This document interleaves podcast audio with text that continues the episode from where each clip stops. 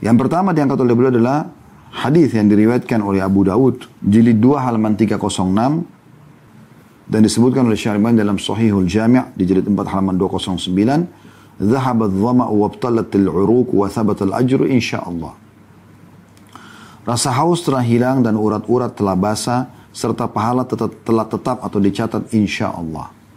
Ya. Kalau Anda tanya kepada saya kapan dibaca ini, maka saran kami dibaca setelah Anda buka puasa. ya. Jadi pada saat Anda mau buka puasa, begitu dengar azan, Bismillah. Lalu makan kurma basah. Kata Anas bin Malik, ada dalam sebuah riwayat yang dihasankan oleh para ulama, yaitu Nabi SAW berbuka puasa dengan rutabat ya atau rutab kurma yang basah. Kalau tidak ada baru tumairat kurma-kurma kering. Kalau tidak ada maka Nabi SAW meneguk air. Jadi memang anda baca atau anda baca Bismillah makan kurma dan anda baru minum ya. Setelah selesai baru anda baca doa ini. Zahabat zama rasa haus telah hilang. Wabtallatil uruq dan urat-urat telah basah. Wathabatal ajru insyaallah dan semoga pahala telah dicatat insya Allah. Ya. Jadi adabnya anda baca ini ya. Setelah saya bahasakan tadi, anda takjil atau buka puasa dulu. Anda batalkan puasa anda baru anda baca doa ini. Kemudian doa yang kedua, Allahumma inni as'aluka birahmatika allati wasi'at kulla syai' an tagfirli. Ini diriwayatkan oleh Ibnu Majah jadi satu halaman 557 dan dihasankan oleh Al-Hafidh Ibnu Hajar dalam Takhrij Al-Adhkar. Bisa dilihat dalam syarah Al-Adhkar, jilid 4 halaman 342. Yang artinya, ya, Allahumma inni as'aluka birahmatika allati wasi'at kulla syai'an tagfirli. Ya Allah, sungguhnya aku memohon kepadamu dengan rahmatmu yang meliputi segala sesuatu, agar engkau berkenan memberi ampunan untukku. Ya, jadi ini juga dibaca pada saat berbuka puasa. Dan doa ini um, mungkin secara letter-let orang kalau belum memahami kandungannya dia akan menganggap oh apa sih yang diminta? Ya Allah sungguhnya aku mohon kepadamu dengan rahmatmu yang meliputi segala sesuatu agar engkau mengampuni dosaku. Oh minta pengampunan. Bukan masalah itu poinnya. Pengampunan iya kita jadikan sebagai permintaan kita. Tapi di sini yang sedang kita singgung adalah rahmat Allah. Karena dengan rahmat Allah yang meliputi segala sesuatu maka semua dosa kita bisa dimaafkan. Kebutuhan kita bisa terpenuhi. Dan rahmat Allah meliputi segala sesuatu. Bahkan kita masuk ke dalam surga sebagaimana sabda Nabi SAW dengan rahmat Allah subhanahu wa ta'ala. Allah lah yang telah memberikan kepada kita. Ya, dengan rahmatnya sehingga kita bisa ya, masuk dalam surga. Jadi memang kita minta dengan rahmat Allah lah agar dosa-dosa kita diampuni. Ya. Kemudian tadi yang saya bahasakan pada saat Anda awal buka puasa membaca bismillah itu dikuatkan di bab 69-nya. Ada doa sebelum makan.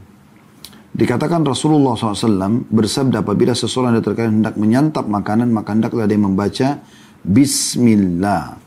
Jadi nggak ada Ar-Rahman Ar-Rahimnya. Salah satu fikih atau memahami dengan benar dari dalil syariah adalah kita menyampaikan dan mengamalkan sesuai dengan apa yang Nabi Muhammad SAW ajarkan. Perlet-perlet ya. Di sini hadisnya jelas. Nabi SAW mengatakan baca Bismillah dengan nama Allah. Kalau Bismillahirrahmanirrahim itu dibaca saat membaca Al-Quran misalnya ya. Atau baru mau memulai ya, sebuah kegiatan mungkin kita bisa Bismillahirrahmanirrahim. Tapi kalau mau makan memang lafadznya Bismillah. Maka kita sesuaikan dengan itu dengan menyebut nama Allah. Ya, kemudian ini juga ada dalam sebuah hadis ya kata Nabi SAW pernah ada sahabat jatuh dari untanya kalau tidak salah. Kemudian dia mengatakan celakalah syaitan yang menjadi penyebab ini. Maka kata Nabi SAW jangan kalian menghinanya. Ya, seperti itu. Tapi karena dia akan, kalau kalian ucapkan itu, dia makin besar seperti sebuah rumah. Dan dia mengatakan, ya dia celaka karena aku gitu. Jadi syaitannya malah bangga. Kata Nabi SAW, tapi ucapkanlah bismillah. Karena kalau, kalau, kalau, kalau kalian ucapkan bismillah, maka syaitan akan mengecil sampai seperti seekor lalat. Jadi baca bismillah itu luar biasa. Cuma kalimat pendek, bismillah. Mau buka pintu bismillah, mau, mau uh, buka pakaian bismillah, mau buka lemari, mau apa saja bismillah. Bahkan kata Nabi SAW, Kulu amrin la yubda bismillah fahuwa akta, fahuwa akta. semua perkara tidak dimulai dengan bismillah maka dia terputus dari rahmat Allah. Oleh karena itu mulai dengan ini. Dan kalau orang misalnya tiba-tiba makan, kena kelaparan, kena e, indahnya tataan makanan dan wanginya, tiba-tiba langsung dimasukkan ke dalam mulutnya saja, dan dia lupa baca bismillah, maka sunnahnya membaca ini. Ya, dalam hadis riwayat Abu Daud jilid 3 halaman 347, Tirmidzi jilid 4 halaman 288, kata Nabi SAW, apabila dia lupa mengucapkan basmalah atau bismillah di awalnya, maka hendaklah dia membaca bismillahi, bismillahi fi awwalihi wa akhirih. Bismillahi fi awwalihi wa akhirih. Dengan menyebut Allah, dengan menyebut nama Allah di awal dan akhirnya. Ya, dalam sebuah riwayat dikatakan, kalau seseorang membaca ini, Bismillahi fi awwalihi wa akhirih, ini akan membuat syaitan ya, memuntahkan kembali makanan yang sempat dia curi dari anak Adam. Jadi ini termasuk sunnahnya. Jadi walaupun kita sudah terlanjur lewat, udah baca Bismillah belum? Belum. Ya udah, sudah terlanjur lewat, dia tetap makan. Ini jangan. Ada beberapa riwayat menjelaskan syaitan mengambil makanan dari orang tidak baca bismillah. Maka jangan tetap baca bismillah. Kalaupun sudah terlanjur lewat lupa bismillah fi awwalihi wa akhirih. Sebagaimana tadi riwayat sudah kita bacakan. Juga Rasulullah SAW bersabda barang siapa yang diberi rezeki oleh Allah berupa makanan, hendaknya dia mengucapkan Allah mabarik lana fihi wa at'imna khairan minhu. Ya, ini riwayat yang artinya Allahumma barik lana fi. Ya Allah berka, berikanlah kami keberkahan pada makanan ini. Wa at'imna khairan minhu. Dan berilah kami makanan yang lebih baik darinya. Berikanlah kami makanan yang lebih baik darinya. Dan apabila diberi rezeki oleh Allah berupa minuman susu hendaklah dia mengucapkan Allahumma barik lana fi wa zidna minhu. Ya Allah berilah kami keberkahan pada minuman ini dan tambahkanlah untuk kami darinya. Hadis ini diriwayatkan Tirmidzi jilid 5 halaman 506 dan bisa dilihat dalam Sahih Tirmidzi oleh Albani jilid 3 halaman 158. Ya, jadi ini di antara doa mungkin yang masih luput dari banyak kaum muslimin ya. Mereka kalau Bismillah tahu, tapi kalau doa-doa lain mungkin mereka luput ya. Tadi kalau lupa Bismillah fi awalihi wa akhir. Dengan doa ini, Allah barik lana fi wa at'imna khairan minhu.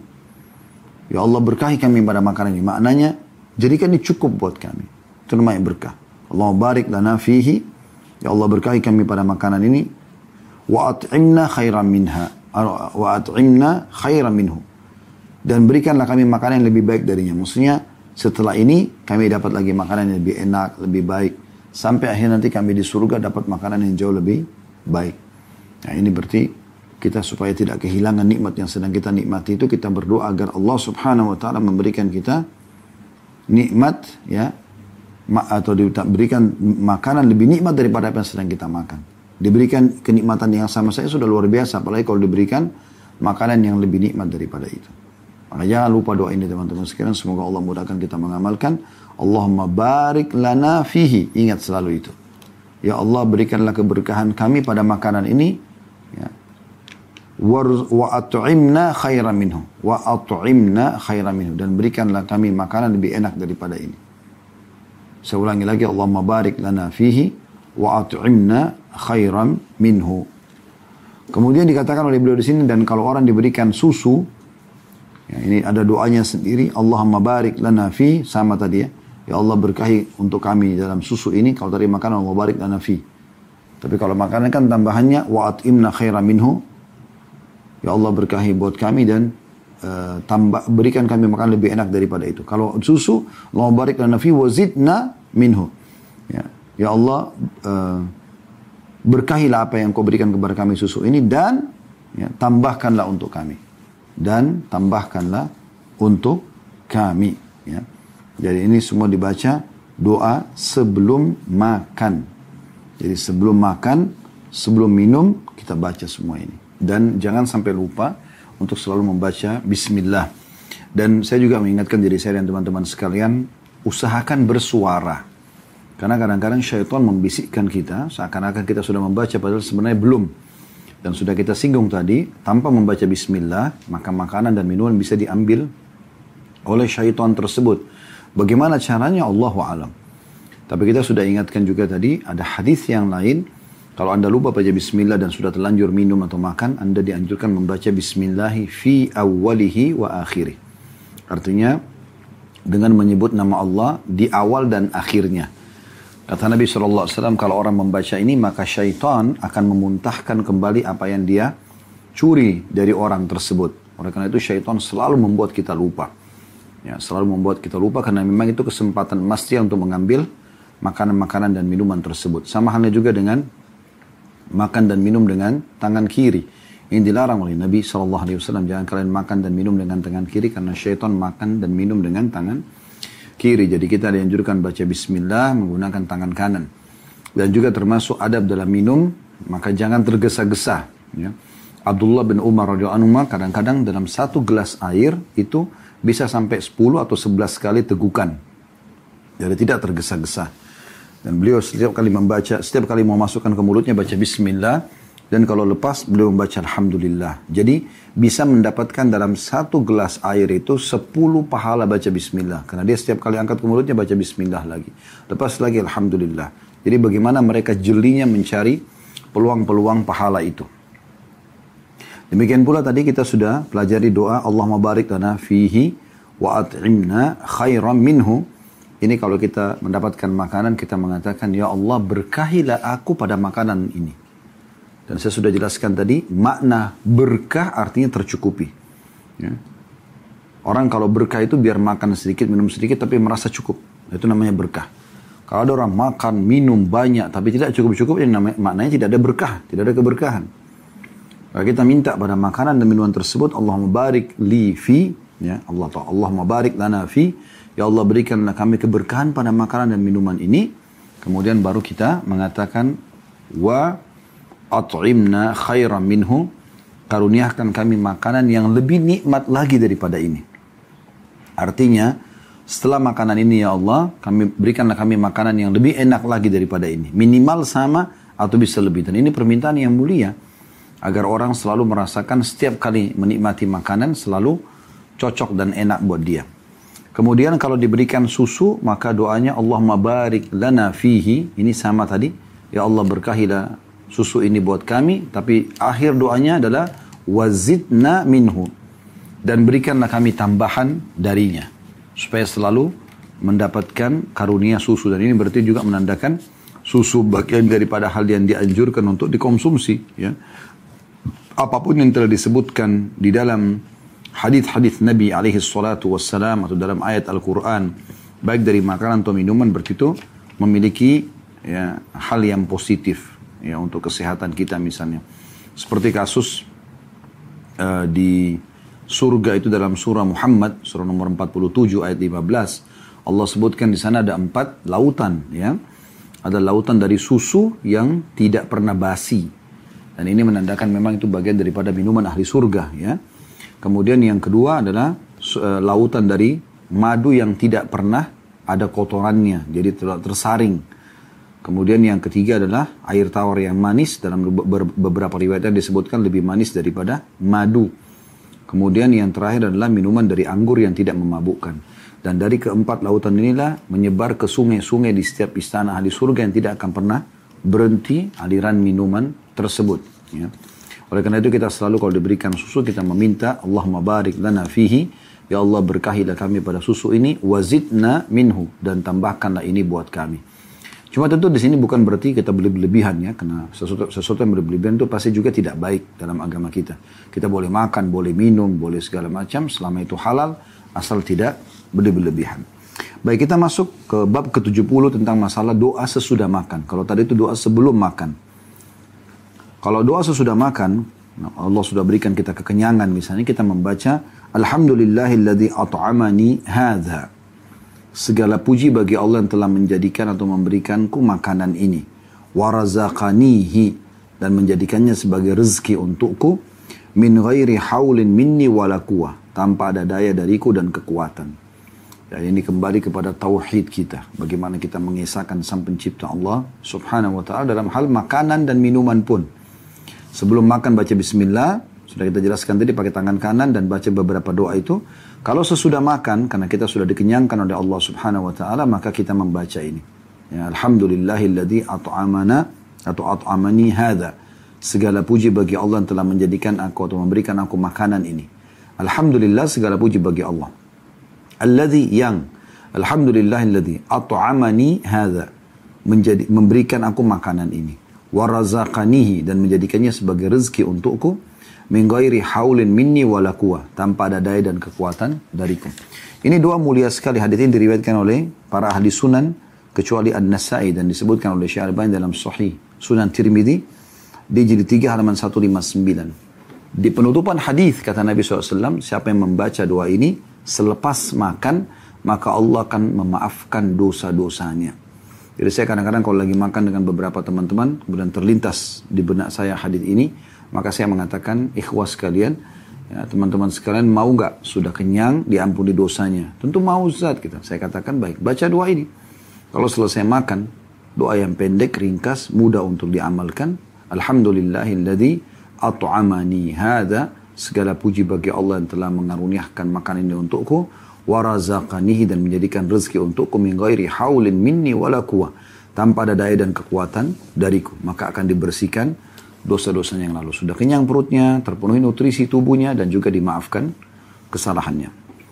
Dalam riwayat yang lain masih di bab yang sama bab 70 ada doa yang lain diriwayatkan oleh Imam Bukhari jilid 6 halaman 214 dan juga Tirmidzi menyebutkan dengan lafaz yang sama di jilid 5 halaman 507 yaitu doanya alhamdulillahi kathiran tayyiban mubarakan fi ghaira makfiyin wala muwadda'in wala mustagnan anhu rabbuna atau rabbana. Artinya alhamdulillahi kathiran segala puji bagi Allah yang banyak sekali. Karena ini nikmat ya. Bisanya kita merasakan di ujung lidah kita saja membedakan ini asin ini pedas ya itu sudah sebuah karunia yang luar biasa. Berapa banyak orang yang lidahnya pahit, kalau kita istilahkan begitu tidak bisa merasakan ini. Sebuah karunia yang luar biasa gitu.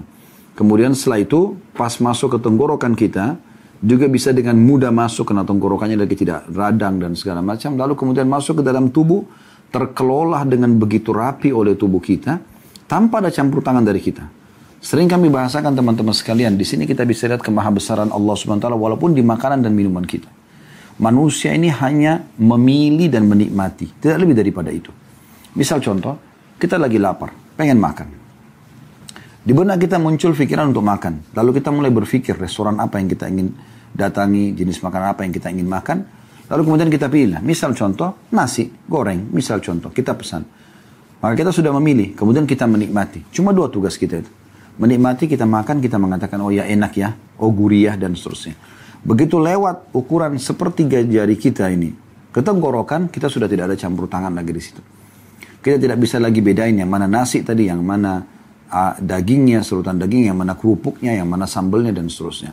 Jadi tubuh kita ini manusia seperti sebuah perusahaan pabrik yang sangat besar, terdiri dari jutaan lift kalau kita bisa bahasakan begitu karena satu komposisi makanan ini akan langsung terpilah-pilah Kemudian ada yang menjadi langsung digunakan nutrisi tubuh dan bisa uh, terpecah. Ada yang menjadi bagian dari darah, otot, dan segala macam gitu.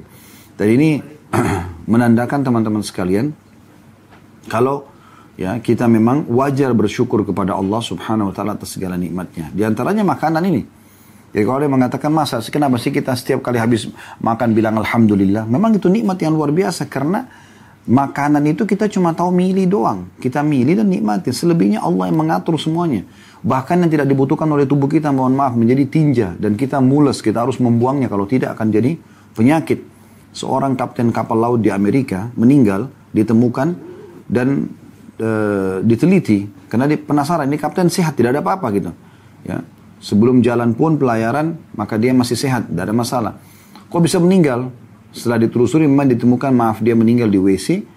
Uh, kemudian dilihat ternyata dia meninggal gara-gara gas yang keluar dari perutnya. Dia selama tiga hari nggak buang air besar. Meninggal gara-gara itu. Ya, dan di sini ditemukan ternyata bisa membuat orang mati. Nah bagaimana Allah pencipta menunjukkan keajaiban penciptaannya dalam diri kita sendiri. Kita setelah menelan makanan, makanan yang sama, jenis yang sama, di porsi yang sama itu, Allah bisa bagi yang mana jadi nutrisi, yang mana akan dibuang menjadi kotoran dan harus dibuang dari tubuh. Kalau tidak maka kita bisa meninggal dunia. Ini berarti ada kemahabesaran Allah subhanahu wa ta'ala. Dan sering kami ingatkan masalah ini teman-teman sekalian. Kalau anda lagi pengen makan sesuatu, selalu hubungkan dengan tauhid anda. Supaya anda mengenal Tuhan anda. Sekarang kalau kita ingin makan anggur, jangan hanya sekedar pilih langsung anggur merah, hitam, hijau, selesai. Ya, kemudian anda ambil, anda petik dari tangkainya lalu anda mengatakan, oh enak ya, manis, selesai. Cuma sebatas itu. Coba renungi baik-baik dan bawa ya pikiran anda, hati anda uh, kepada perenungan tentang tauhid, pengisaan Allah Subhanahu wa taala sebagai pencipta. Siapa yang menancapkan anggur itu di tangkai-tangkainya? Bahkan saking lemahnya kita manusia, setelah kita cabut pun dari tangkainya tidak bisa kita tancapin kembali. Berarti ada ada sesuatu ada ada yang mengatur semua ini. Dan siapa yang membuat kulit anggur begitu lembut seperti itu? cita rasanya, aromanya, dan seterusnya. Dan tidak akan pernah habis stoknya. Ini pasti ada yang mengaturnya. Maka harus kita hadirkan Tuhan Allah subhanahu wa ta'ala dalam hidup kita. Supaya kita selalu bisa bersyukur. Dan Anda akhirnya mudah untuk mengucapkan syukuran ini. Karena tidak semudah itu orang selalu mengucapkan Alhamdulillah. Segala puji bagi Allah tanpa dia fahami dan merenungi kalau dia punya Tuhan yang mengatur segala sesuatunya. Di sini kita baca Alhamdulillahi kathira Segala puji bagi Allah yang banyak. Tayyiban. Penuh dengan berkah. Ya, apa yang baik ya. Tayyiban baik. Mubarakan fi. Penuh dengan berkah. Gaira makfiyin. Yang tidak. Ya, tidak cukup tanpanya. Maksudnya tanpa nikmat dari Allah, tanpa bersyukur tidak akan cukup nikmat ini. Wala muwadda'in dan juga tidak akan ditinggalkan rasa syukur itu wala mustagnan anhu rabbana dan tidak mungkin tidak dibutuhkan wahai Rob kami. Jadi ini di antara doa yang dianjurkan dibaca setelah kita makan. Kemudian teman-teman sekalian kita masuk ke bab 71 ya. Doa tamu yang doa ta, tamu untuk orang yang menghidangkan makanan. Jadi kalau kita bertamu lalu ada orang hidangkan makanan, kita dianjurkan membaca doa ini. Ya, kita dianjurkan membaca doa ini. Allahumma barik lahum fima razaktahum waqfir lahum warhamhum. Satu baris doa. Ya. Allahumma barik lahum fima razaktahum. Ya Allah berikanlah keberkahan terhadap apa yang engkau karunia sebagai rezeki untuk mereka. Waqfir lahum, ampunilah mereka, warhamhum, dan juga rahmatilah mereka. Hadis ini riwayat Muslim jadi 3 halaman 1615. Jadi ini teman-teman sekalian, termasuk rasa syukur kita kepada Allah dengan bersyukur dan berterima kasih pada orang yang menghidangkan makanan dan minuman untuk kita. Jadi memang ini sunnah Nabi alaihi salatu wassalam selalu mendoakan orang yang telah berbuat baik kepada kita. Beliau bersabda dalam sebuah hadis, "Man lam yashkurun nas la yashkurullah." Siapa yang tidak berterima kasih pada manusia berarti belum berterima kasih pada Allah. Sementara berterima kasih pada Allah atau bahasa ceramahnya syukur itu adalah sebab utama nikmat Allah datang kepada kita. Allah mengatakan dalam surah Ibrahim, A'udzu billahi minasyaitonir rajim, la in syakartum la azidannakum wa la in kafartum inna adzabi lasyadid. Kalau kalian bersyukur maka aku akan tambah nikmat itu. Kalau kalian kufur maka azabku sangat pedih, ya. Jadi kita di sini bersyukur kepada orang yang telah memberikan kepada kita makanan minuman walaupun hanya seteguk air, sepotong kue, sepotong roti. Kita biasakan berterima kasih dan salah satu ciri Orang muslim adalah selalu berterima kasih. Selalu bisa menilai pemberian orang walaupun kecil. Sampai Umar bin Khattab radhiyallahu anhu mengatakan, aku akan siap ya untuk mengabdi pada seseorang. Aku akan terus berterima kasih pada seseorang yang mengingatkan satu kekurangan atau kesalahanku. Ali bin Abi Thalib berkata radhiyallahu anhu, aku akan terus siap mengabdi seumur hidupku bagi orang yang mengajarkan kepadaku satu kata atau satu huruf.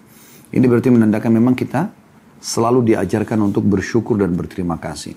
Nah kita kalau diberikan makan oleh orang, ditraktir oleh orang dan seterusnya, kita anjuran anjuran Nabi SAW untuk membaca ini. Allahumma barik lahum fima razaqtahum. Allahumma barik lahum ya Allah berkahilah untuk mereka fima razaqtahum dari apa yang kau berikan sebagai rezeki untuk mereka. Kemudian wakfir lahum ampunilah dosa-dosa mereka warhamhum dan juga kasihanilah mereka. Ini tentu bisa seorang istri baca untuk suaminya yang memberikan nafkah kepada dia. Atau seorang suami bacakan untuk istrinya menghidangkan makanan buat dia. Atau anak untuk orang tuanya. ya atau mungkin teman pada temannya dan seterusnya.